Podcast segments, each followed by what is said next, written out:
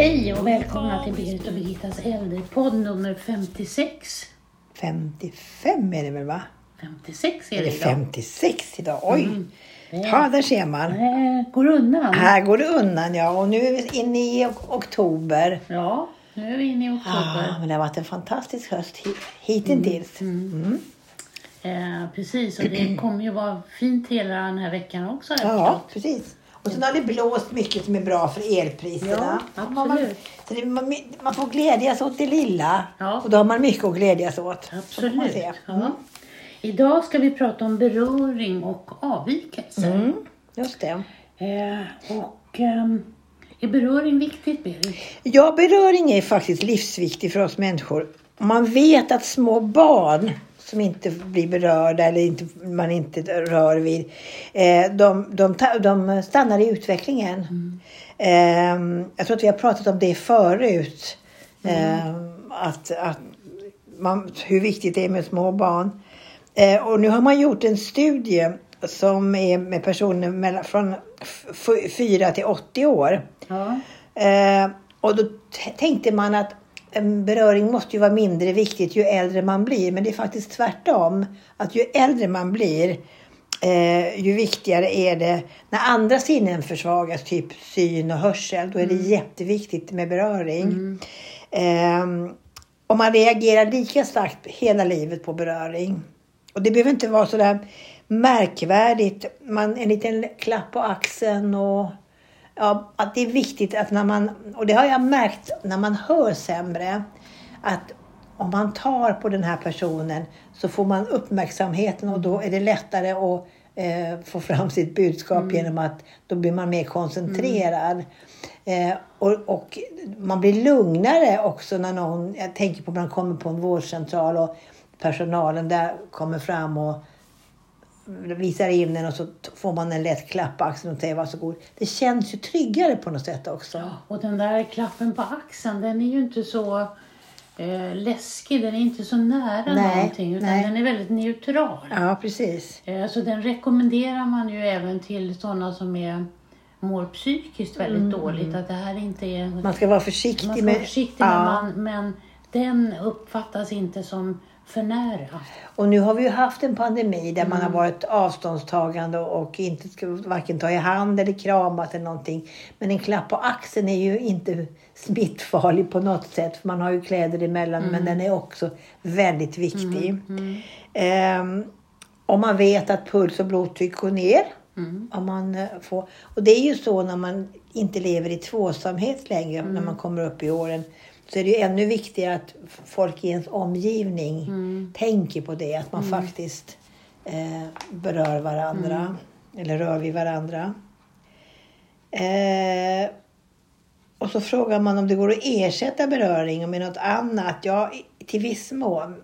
Som typ massage och sånt där. Och jag vet att eh, under pandemin var det många, även yngre personer som inte fick någon eh, ja, mänsklig kontakt som gick och tog massage. Nej. Bara för att någon skulle röra vid dem. Och det, det, så man ser ju hur viktigt det är. Mm.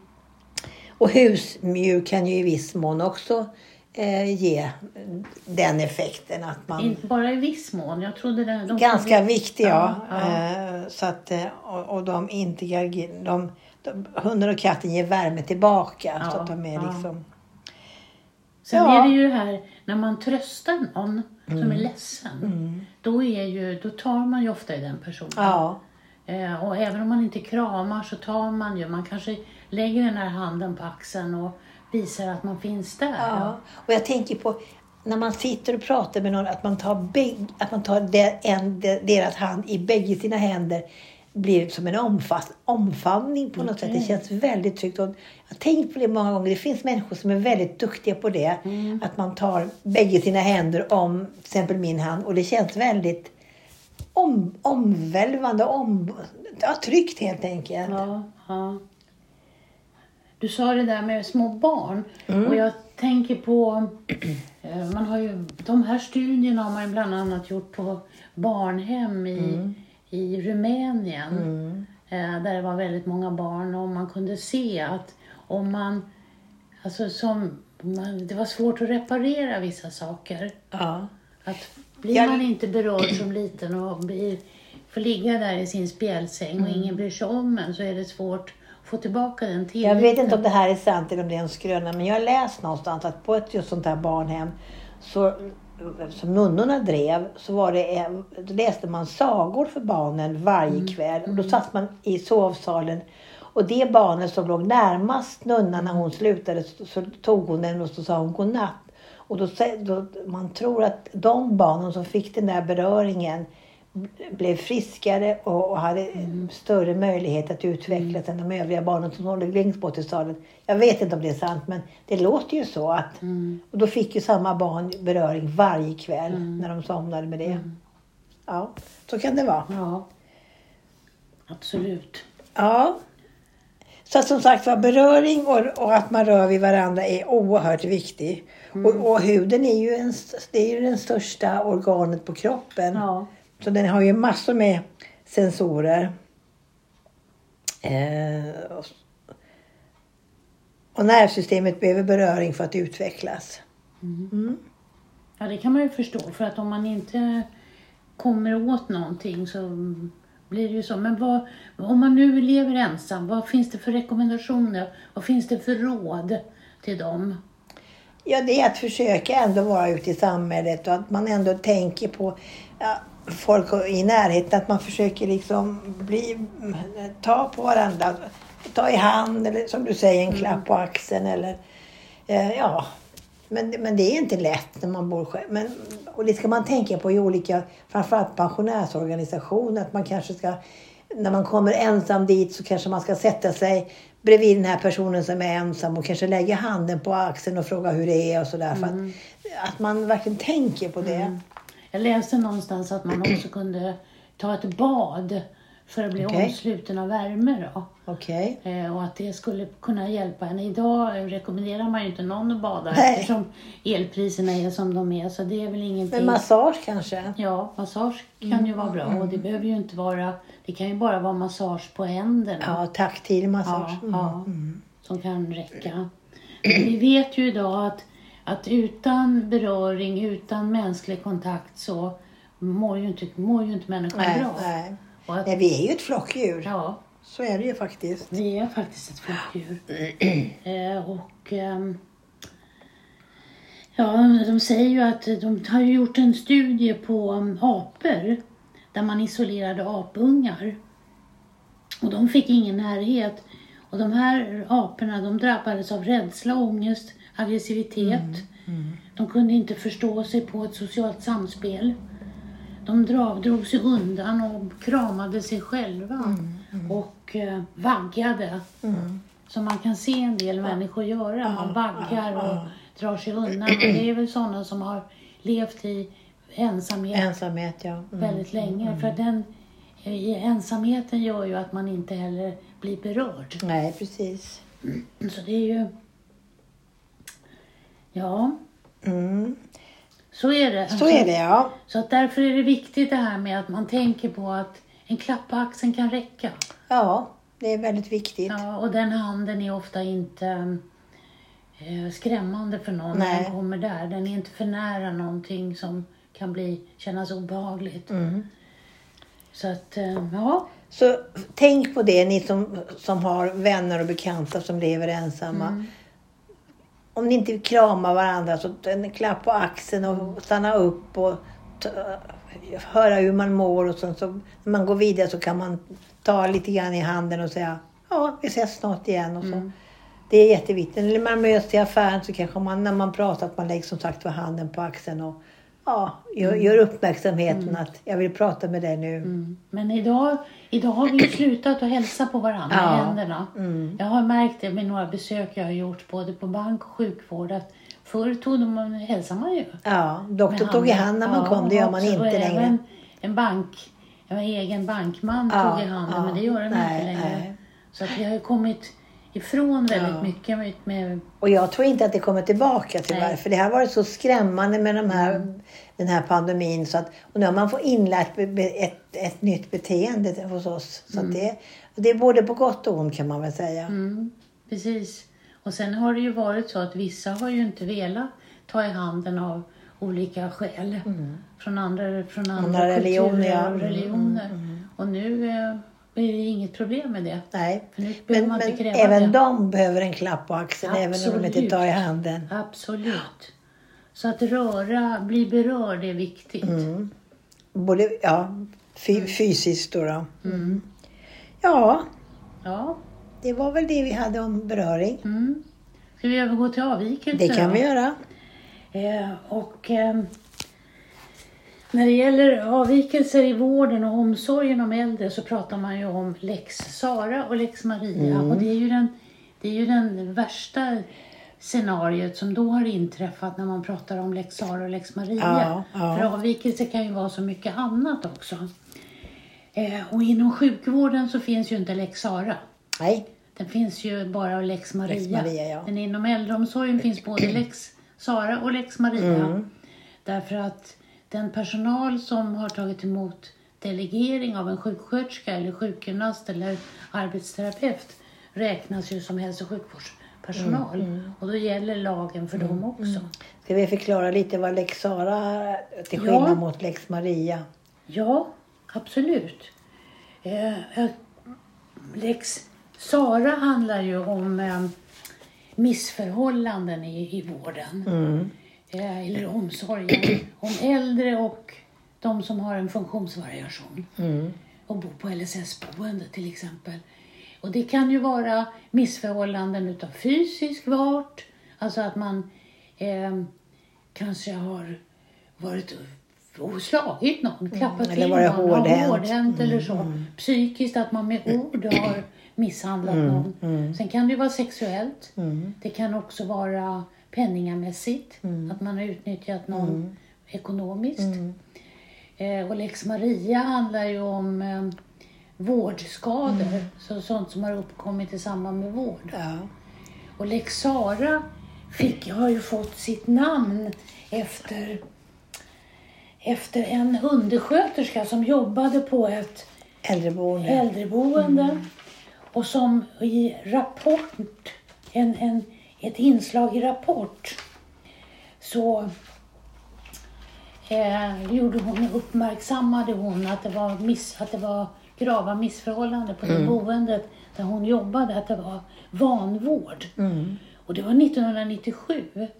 Och 99 så kom då lagen som fick hennes namn. Lex Sara. Och det var efter den här undersköterskan. Och den finns ju reglerad i socialtjänstlagen. Så alla verksamheter som rörs av socialtjänstlagen rörs också utav Lex Sara.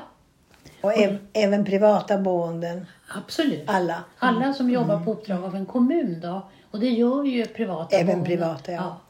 Ja. Eh, Så då gäller Lex Sara. Och den anmälan den går till, Den går till IVO om det blir en Lex Sara. ja, Så den fick- går till IVO, ja, just det. Mm. Mm. Och det gör Lex Maria också.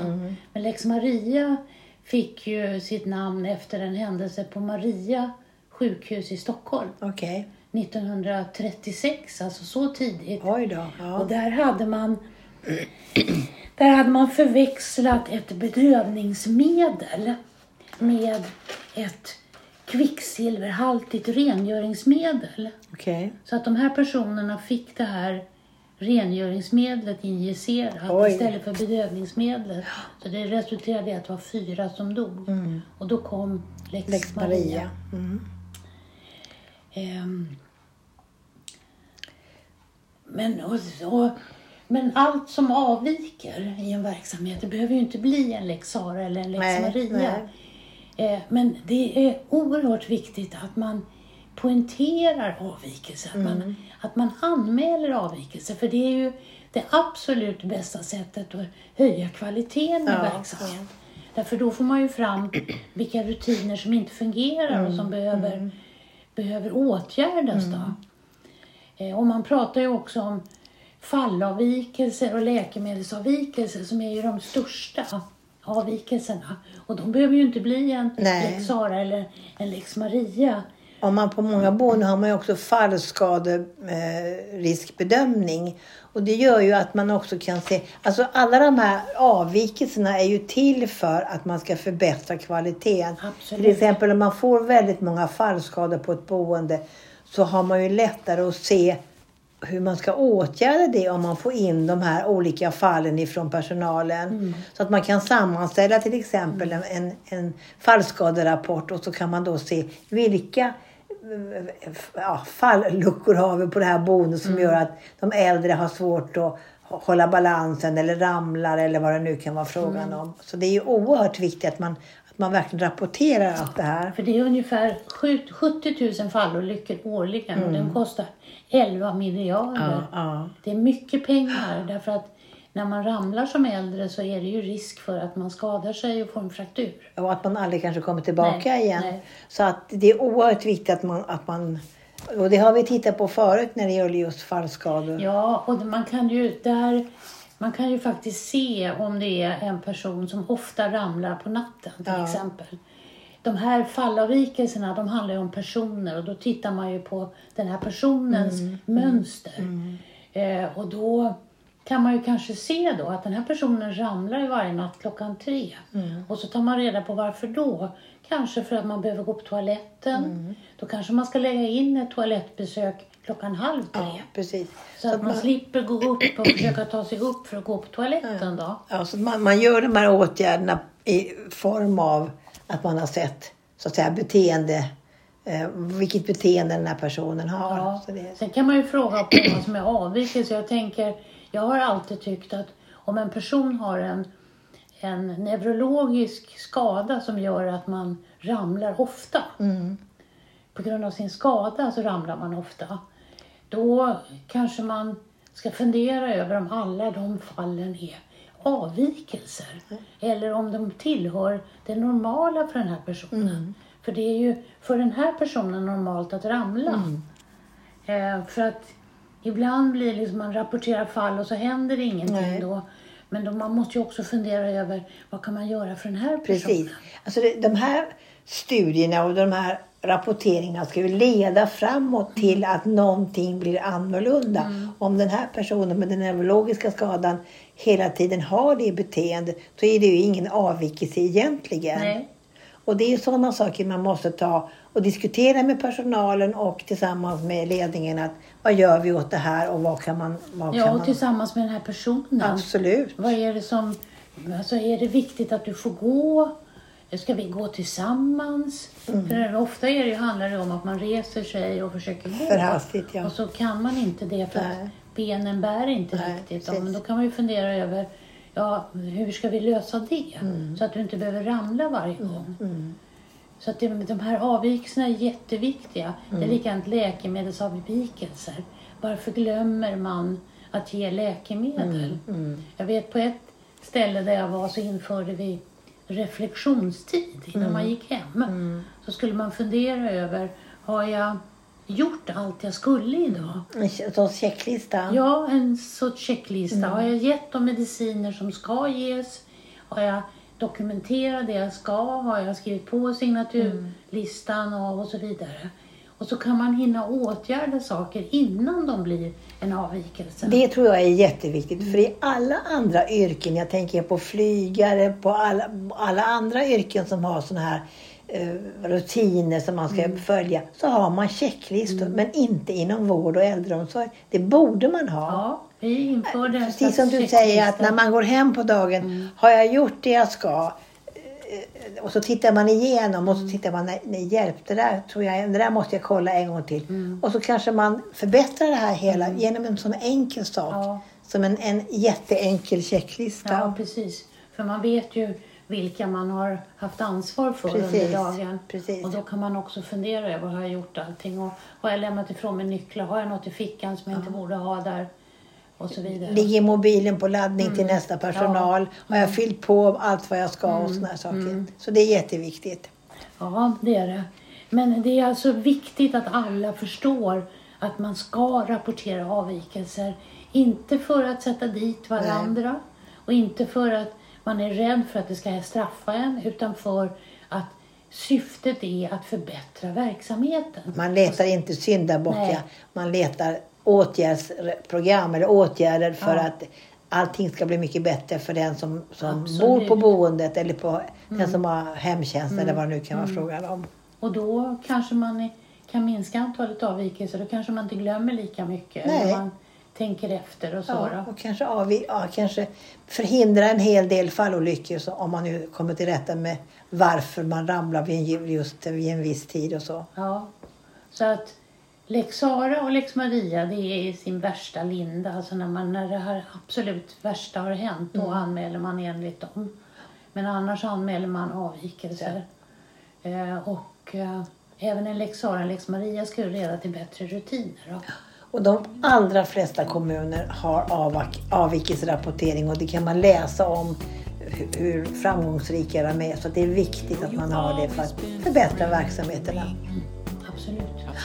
Ja, det var väl vad vi hann med idag Birgitta. Tack för idag Berit. Tack för idag. You have always wanted something back. You wanted more than this heart